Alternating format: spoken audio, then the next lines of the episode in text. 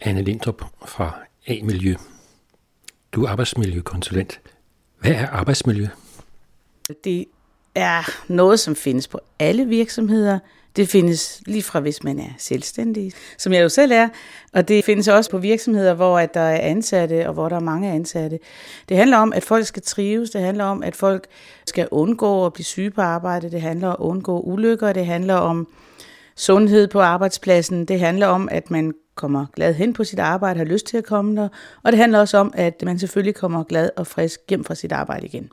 Så handler det om, at mens man er på arbejdet, de ting og de opgaver, man udfører her, de også bliver udført på en sund og fornuftig og rigtig måde, sådan at man også føler, at man trives på arbejdspladsen, det giver mening. Det handler om relationen mellem de mennesker, som er på arbejde, som er rigtig vigtigt for det psykiske arbejdsmiljø, som jo fylder mere og mere her de senere år på arbejdspladsen. Det er i hvert fald noget, der har fået rigtig stor fokus de senere år. Det lyder meget, meget bredt. Så der er meget at tage fat på, når vi snakker om arbejdsmiljø. Det er fuldstændig korrekt. Og nogle gange så oplever jeg også, at der er rigtig mange forskellige øh, mennesker, som går ind og kalder sig arbejdsmiljøkonsulent, men som måske ikke altid har den rigtige baggrund, eller måske de rigtige kompetence til at gå ind og arbejde med arbejdsmiljøet, sådan at man også får flyttet noget på arbejdspladserne. Fordi at det er en ubeskyttet titel, jamen, så er der også rigtig mange forskellige typer og baggrunde, som går ind og arbejder med det her, fordi de måske har interesse for emnet, og det er jo selvfølgelig godt, men man skal også have nogle kompetencer til at kunne gå ind og løse de opgaver og udfordringer, der nu ligger inden for feltet. Hvad er det for nogle områder, hvor man skal have egentlig kompetence? Ja, nu mit spidskompetence, det er jo inden for det ergonomiske felt, fordi at jeg har en baggrund som fysioterapeut. Det er en del af min uddannelse. Og det gør jo, at jeg har nogle kompetencer til at kunne gå ind og vurdere de arbejdsstillinger og belastninger, der nu kan være på kroppen. Men når det er sagt, så er de uddannelse fysioterapeut måske mere klinisk rettet. Derfor så har jeg jo haft behov for at skulle øh, uddanne mig i nogle andre retninger, også for på en eller anden måde ligesom at samle noget viden og noget kompetence sammen til at kunne gå ind og omsætte den viden, jeg har som fysioterapeut, over i noget arbejdsmiljø. Og det er et andet felt, og det er et felt, man selvfølgelig bliver uddannet til også på fysioterapeutuddannelsen, men det er bestemt ikke der fokus ligger. Så man har lidt med sig, men derfra så skal man jo ud og have en masse anden viden om, om for eksempel hele lovgivningsområdet på feltet. Hvad er det for nogle bekendtgørelser? Hvad er det for nogle regler? Hvad er det for nogle vurderinger, der ligger til grund for at finde ud af, hvad er det ligger på den, på den rigtige side af lovgivningen, og hvad ligger på den forkerte side af lovgivningen? Hvor er det, man læner sig op af et påbud, hvis man skulle få øh, besøg af arbejdstilsynet?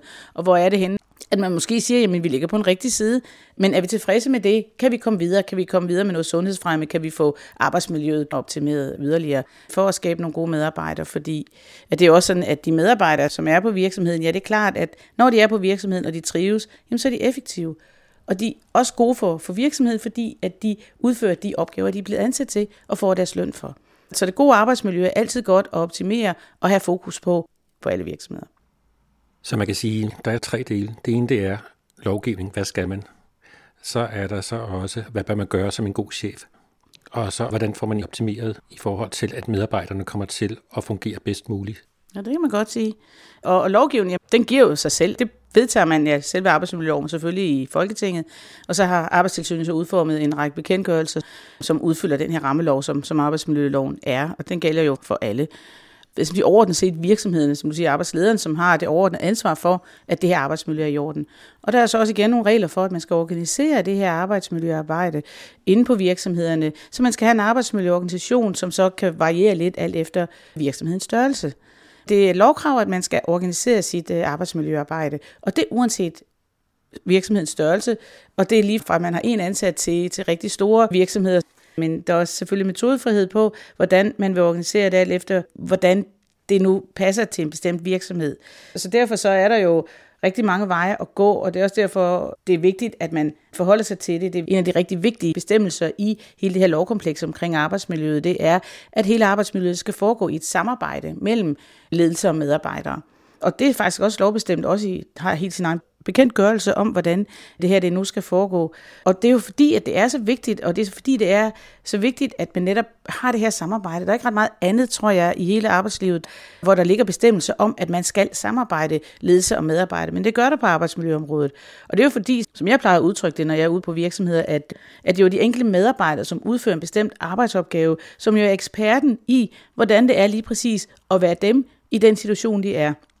Og det er klart også, at på store virksomheder, så kan ledelsen jo ikke have øje på, på samtlige medarbejdere. Så derfor så har man den her organisering, at man vælger sig en arbejdsmiljørepræsentant, som så går ind sammen med lederen og taler om og arbejder med det her arbejdsmiljø. Når arbejdsmiljøet er i orden, så bliver medarbejderne jo også mere effektive. De yder, de trives, de har det godt, og de har det godt med hinanden. De finder ud af at samarbejde. Ja, når man har det godt, jamen, så yder man også det, man skal og trives, og det er jo egentlig også det, som er, er virksomhedens formål. Der er meget dokumentation for også, at det kan simpelthen ses på virksomhedernes bundlinjer, at når man har det gode arbejdsmiljø, og medarbejderne trives, jamen så går tingene godt, og man bruger ikke udgifter på vikar, på sygedagpenge, på betaling af bøder, fordi tingene ikke er i orden, fordi arbejdstilsynet har været på besøg. Der er mange ting, så man kan rent faktisk se det gode arbejdsmiljø på virksomhedens bundlinje også. Der er også nogle lovkrav i forhold til uddannelse. Det er rigtigt. Når man ønsker at bliver valgt, fordi når man er arbejdsmiljørepræsentant, så bliver man jo valgt af sine kollegaer. Og hvis man er arbejdsmiljøleder, så bliver man udpeget til den rolle, så der ligger sådan en lille forskel der. Og det er jo de to, som typisk er dem, som samarbejder om arbejdsmiljøet på virksomheden i arbejdsmiljøgruppen. Men hvis man bliver valgt til arbejdsmiljørepræsentant eller bliver udpeget til arbejdsleder, så skal man, og det er simpelthen et lovkrav på en obligatorisk uddannelse, som varer i tre dage, for på en eller anden måde at få en basis på, hvad handler det her om. Og det er en øh, uddannelse, som går ind og giver sådan helt grundlæggende viden om arbejdsmiljøet. Og det er sådan en uddannelse, hvor, som jeg også selv underviser på, hvor jeg i hvert fald åbner ballet på de her uddannelser med at sige, jamen lige nu, der er I blevet valgt til arbejdsmiljørepræsentant, det er selvfølgelig rigtig dejligt, at man har lyst til at kaste over det her felt. Og lige nu er der en viden om arbejdsmiljø, og man har nogle forventninger til, hvad jeg skal lære på det her kursus.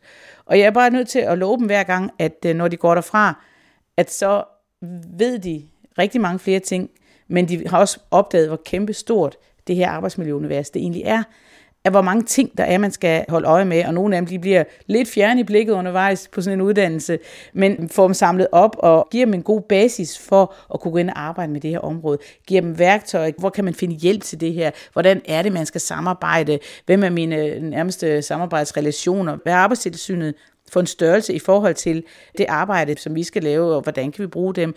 Kan man bruge rådgiver, øh, arbejdsmiljøkonsulenter, sådan nogle som mig? Hvordan kan vi trække på noget viden ind i, i virksomheden i forhold til de problemstillinger, som man møder? et eller andet sted, så handler det i hvert fald den måde, jeg underviser på, også rigtig meget om at få taget hul på og få finde værktøjer også til at gennemføre samarbejdet få fokus på, at det er et samarbejde, at man ikke står alene med det. Det er klart, at når man er arbejdsmiljørepræsentant eller arbejdsmiljøleder og været på den her uddannelse, så ved man noget mere end sine kollegaer. Og man har så også selvfølgelig lidt større ansvar i forhold til at sørge for, at tingene er på plads og, og tage hånd om det, der måtte komme osv. Men det er jo altid arbejdsgiveren, som har det overordnede ansvar, men det er jo alle på virksomheden, alle medarbejderne, som har et ansvar for at sørge for, at det her arbejdsmiljø det er i orden. I mit hoved, så ser jeg jo også den enkelte medarbejder ude på den bestemte funktion, de nu har, som eksperter på, hvad det er, der sker lige præcis i det arbejdsforhold, de er i. Så det er alle på virksomheden, som har det ansvar og skal samarbejde omkring det. Men arbejdsmiljølederen, arbejdsmiljørepræsentanten, de får noget uddannelse, og det skal de have for på en eller anden måde at kunne gå ind og, og løfte og håndtere den her opgave. Selvom det er en ledelsesopgave, så har en øh, ledelse jo også andet i tankerne end arbejdsmiljø. Det er korrekt. Ah, det lyder så hårdt, når jeg siger det, men det er min oplevelse. Og selvfølgelig er det sådan, at virksomhederne vigtigste opgave, det er jo selvfølgelig at producere, det er at lave et overskud, det er at leve, det vil sige økonomien spiller selvfølgelig og i alle virksomheder en rigtig stor rolle. Sådan skal det også være, fordi hvis man ikke får det overskud, så er der ingen virksomhed, så kan det hele jo ligesom være lige meget.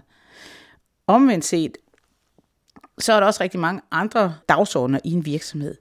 Og der er arbejdsmiljøet selvfølgelig en af dem, men det kan også være, nu skal vi ligne, nu skal vi omorganisere, nu skal vi have et nyt produkt indført, nu skal vi implementere, nu skal vi udvikle, nu skal vi alt muligt forskelligt andet.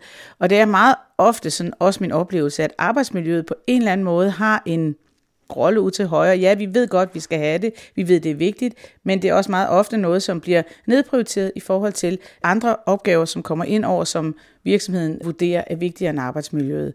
Og nogle virksomheder får øje på det, fordi at de får besøg for eksempel fra Arbejdstilsynet, som jo er kontrolmyndigheden på området. Og så er der meget, meget langt, også fra nogle virksomheder, som aldrig tænker, en tænker på arbejdsmiljøet, til virksomheder, som har en hel arbejdsmiljøorganisation, som har rigtig meget fokus på det. Du sagde, at det er noget, man skal lave i samarbejde. Ledelse og medarbejdere. Mm. Men hvad er det så, man kan øh, få hjælp til udefra?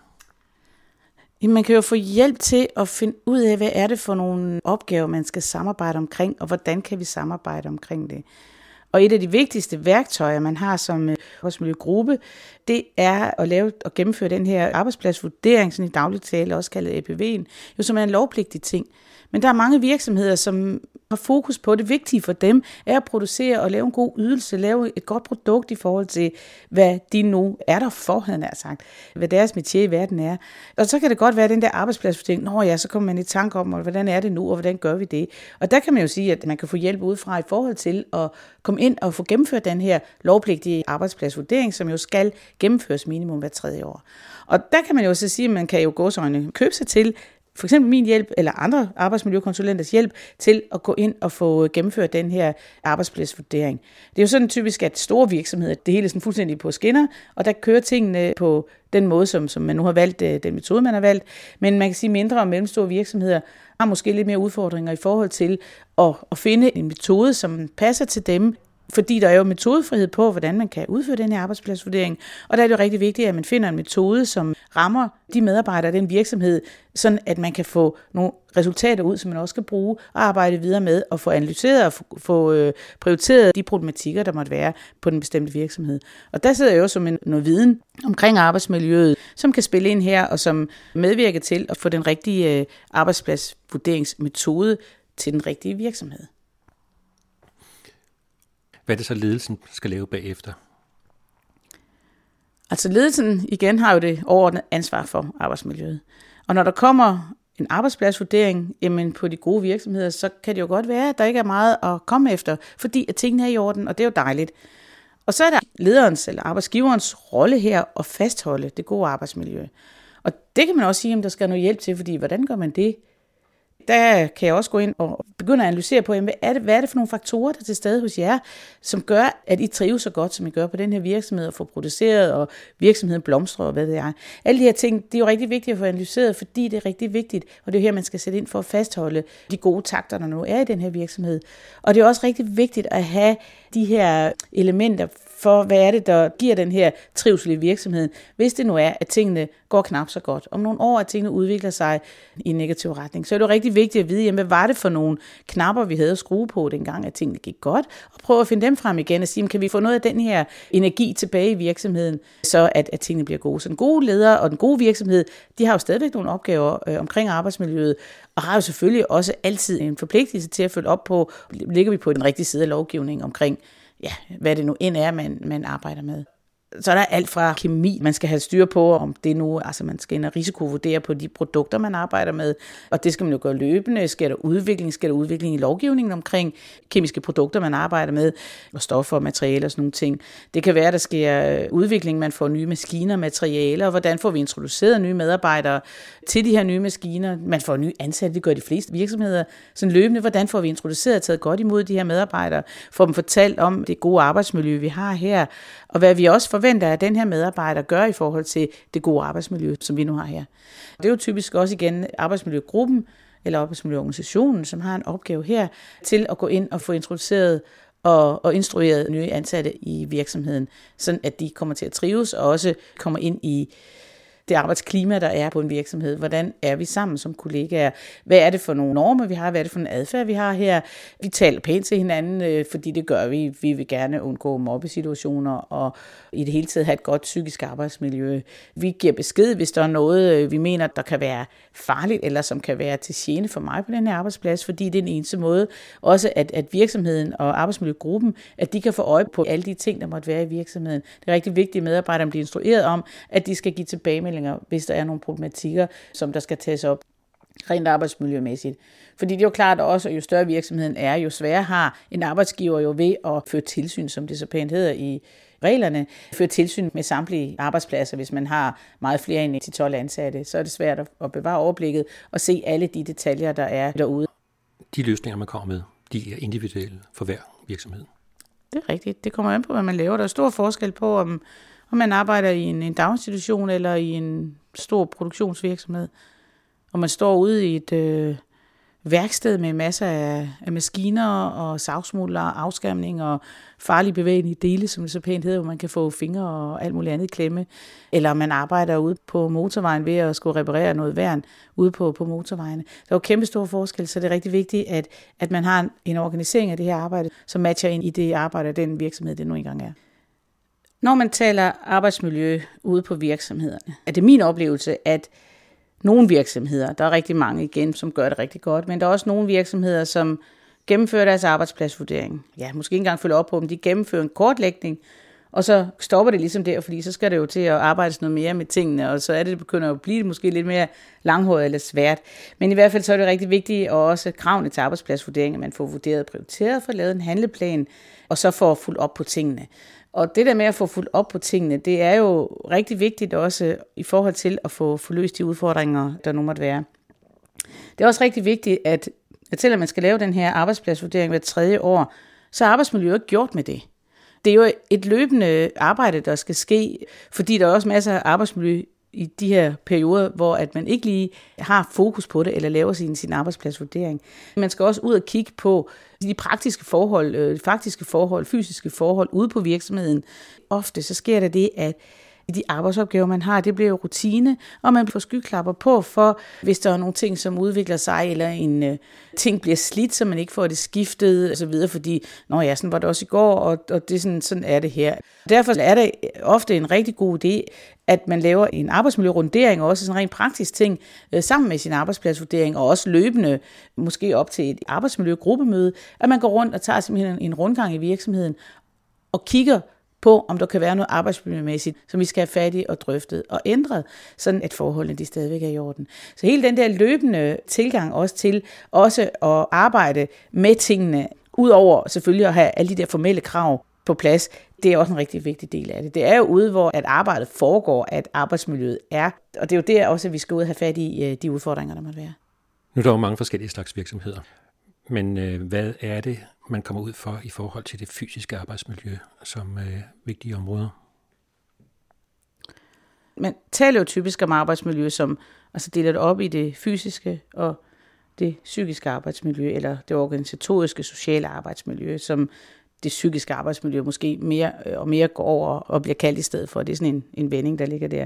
Men det fysiske arbejdsmiljø, jamen det dækker jo alt fra hele ergonomiområdet. Hvordan er det, vi arbejder? Hvordan er min arbejdsplads indrettet? Er det hensigtsmæssigt, så jeg ikke bliver slidt på min krop, når jeg arbejder? Så, så det, det er den ene del af det, det er jo ergonomien. Så er der for eksempel sådan noget som indeklimaet på virksomheden, som jo også kan spille en rigtig stor rolle. Jeg tror, der har været sådan talt om lige siden der har været storrumskontor for eksempel. Det er sådan en af de der meget italsatte problematikker, der er, at storrumskontorer har rigtig mange fordele, men der er også nogle udfordringer øh, på øh, arbejdsmiljøområdet. Det handler jo meget om støj. Det handler om generende støj. Det er jo ikke sådan noget høreskadende støj, så vi går hjem og får ødelagt hørelsen, men det handler om noget generende støj, så det kan være rigtig svært at koncentrere sig og arbejde. Det kan handle om træk. Det kan handle om, at, at nogen i sådan storrumskontor, de har det bedst i varme, andre de kan bedst lide lidt køle, når de skal arbejde. Og få alle de her ting passet sammen. Det handler om også det relationelle. Hvem er det, der taler sammen med hvem, og hvem er det, der har en fornemmelse af, at nu skal jeg lige tige stille, fordi der bliver talt i telefon, eller lavet koncentreret arbejde et andet sted osv. Så, så der kan være en masse forhold på de her kontorer, og som også på en eller anden måde påvirker det indeklima og, og den der oplevelse, man har af at arbejde på de her kontorer. Det er også det fysiske handler jo også omkring øh, de her maskiner, at de lever op til reglerne, at de sikrer arbejde med, at øh, man er instrueret i det. Også nogle fysiske rammer i forhold til det, for de, de eftersyn, de skal have. Så er det jo sådan hele det der traditionelle med støv og støj. Det det, der startede arbejdsmiljø i sin tid. Det var dels ulykker, og så var det støv og støj, som man blev udsat for. Og det er klart, at man er kommet meget langt i forhold til at få reguleret og få beskyttet de ansatte mod påvirkninger fra støv og støj. Og stadigvæk, så ser vi jo, at der er virksomheder, som jo har nogle udfordringer, fordi altså det er jo nogle, nogle fantastiske sådan entreprenører, som kommer ud og skal udføre noget arbejde, er super energifyldte og vil rigtig gerne deres produkt, og så glemmer man lige at få, få måske nogle af de her arbejdsmiljømæssige øh, ting med i forhold til øh, at få, få udviklet nogle ting. Jeg, jamen, jeg kan huske, der var et tidspunkt, hvor man startede på de her rollespil, som man skulle lave ud i skoven. Og der var der nogle, nogle unge mennesker, som havde lavet en virksomhed, hvor de lavede nogle fantastisk flotte kostymer og masker og nogle af alle de her våben, man bruger i, i de her rollespil. Og den besøgte jeg, de sad faktisk og brugte noget, noget to-komponent lim, som var super effektivt, sagde de, og det virkede rigtig godt til det, de skulle. Problemet var bare, at de sad i sådan et, et kælderrum uden ret meget udluftning, midt i alle de her dampe fra de her ting. Og det tænkte de jo ikke lige på, for de var jo unge og stærke og skulle det hele, og fik et super godt produkt ud af det, som de rigtig gerne ville. Og sådan bare som eksempel på, at, at det er nogen, som jo gør en masse og får unge mennesker, som får, får bygget en virksomhed op og rigtig mange positive ting, men de glemmer lige at få, få den her sidste del med, og få kigget på, jamen, hvad er det egentlig, vi udsætter os selv for, når vi arbejder med de her ting og, og de her dampe. Og de blev ret forskrækket, vi har også godt sige det, at vi så fik talt om tingene, og fik selvfølgelig gjort noget ved det, og fik, fik lavet noget udluftning og noget procesudsug og så videre. Fandt nogle andre produkter, som faktisk virkede lige så godt, men som var mindre farlige og så videre. Og det er jo det, man kan, når man kommer ud som arbejdsmiljøkonsulent, det er at få hjulpet virksomhederne med dels at se de her problematikker. Jeg kommer ind med nogle friske øjne, og har noget baggrundsviden, og kan gå ind og hjælpe den her virksomhed med at sige, jamen hov, der er lige nogle ting her, som vi lige skal styre på, fordi det er jo super godt, det ikke går laver. Der er bare lige nogle ting, vi skal have ordentligt styr på, sådan at alle bliver glade, og I også holder i rigtig mange, mange år. Meget af det fysiske arbejdsmiljø, det er noget, som man vil komme til at mærke på sigt. Det psykiske arbejdsmiljø, det er noget, som slår igennem her nu. Ikke nødvendigvis. Altså, jeg har været ude på virksomheder, og også nævnt, så har jeg jo en baggrund som fysioterapeut, det med ergonom inden for det her felt. Og jeg var ude på virksomheder, hvor jeg blev bedt om at kigge på noget indretning af nogle kontorarbejdspladser. Og da jeg var derude, der gik det jo relativt hurtigt op for mig, at øh, ja, det er jo meget mere legitimt at tale om sin kontorstol. At den er dårlig, og mit bord kan ikke dit, og min computer kan ikke dat, osv. Men et eller andet sted, så fornemmede jeg jo hurtigt, at der lå jo nogle andre ting under de her tilbagemeldinger, der kom. Det ligger så nogle år tilbage, og man kan sige, at på det tidspunkt var det ikke på samme måde legitimt at tale om det her psykiske arbejdsmiljø, men vidste godt, det var der. Men det var sådan et eller andet sted, og meget sådan fluffy og svært at, at håndtere og så videre. Og man kan sige så gennem jamen de sidste hvad, 10-15 år, tror jeg, at der er der kommet meget mere fokus også på det, det psykiske arbejdsmiljø, at der er rigtig meget på spil, når der er en masse mennesker sammen, og det vil det jo altid være. Lige snart der er, er flere mennesker sammen, jamen så, så sker der noget mellem de her mennesker, og der, alle de her relationer, alle de her forskellige mennesker, man putter sammen, som skal finde ud af at arbejde sammen osv., jamen der sker rigtig, rigtig meget på det psykiske felt. Desværre så har vi også set de senere år, at der er rigtig mange, som er blevet påvirket af, af stress, fordi at der stilles enormt store krav på virksomheden. Vi vil rigtig gerne være super, super dygtige og yde det bedste for vores virksomhed. Vi vil bare rigtig gerne være den gode medarbejder, som nu yder det, som, som vi nogle gange er ansat til. Og det kan bare resultere i, at man overforbruger af sin, sin egen energi og kan, kan havne i situationer, hvor at man bliver stresset og går ned med stress og så videre. Der er desværre rigtig mange tilfælde af det nu om stunder. Noget af det, som også er kommet rigtig meget op de senere år, er, af hele problematikken omkring mobningen og, og voksenmobning, jo, som kan være lige så invaliderende som stress. Og det er jo noget, man skal have, have fat i og håndteret, og det kan være rigtig svært at håndtere. Og noget af det, som jeg synes er rigtig spændende inden for det her felt, det er det her med, at man ikke tænker det som psykisk arbejdsmiljø, men man går mere over og tænker det på noget organisatorisk og socialt arbejdsmiljø.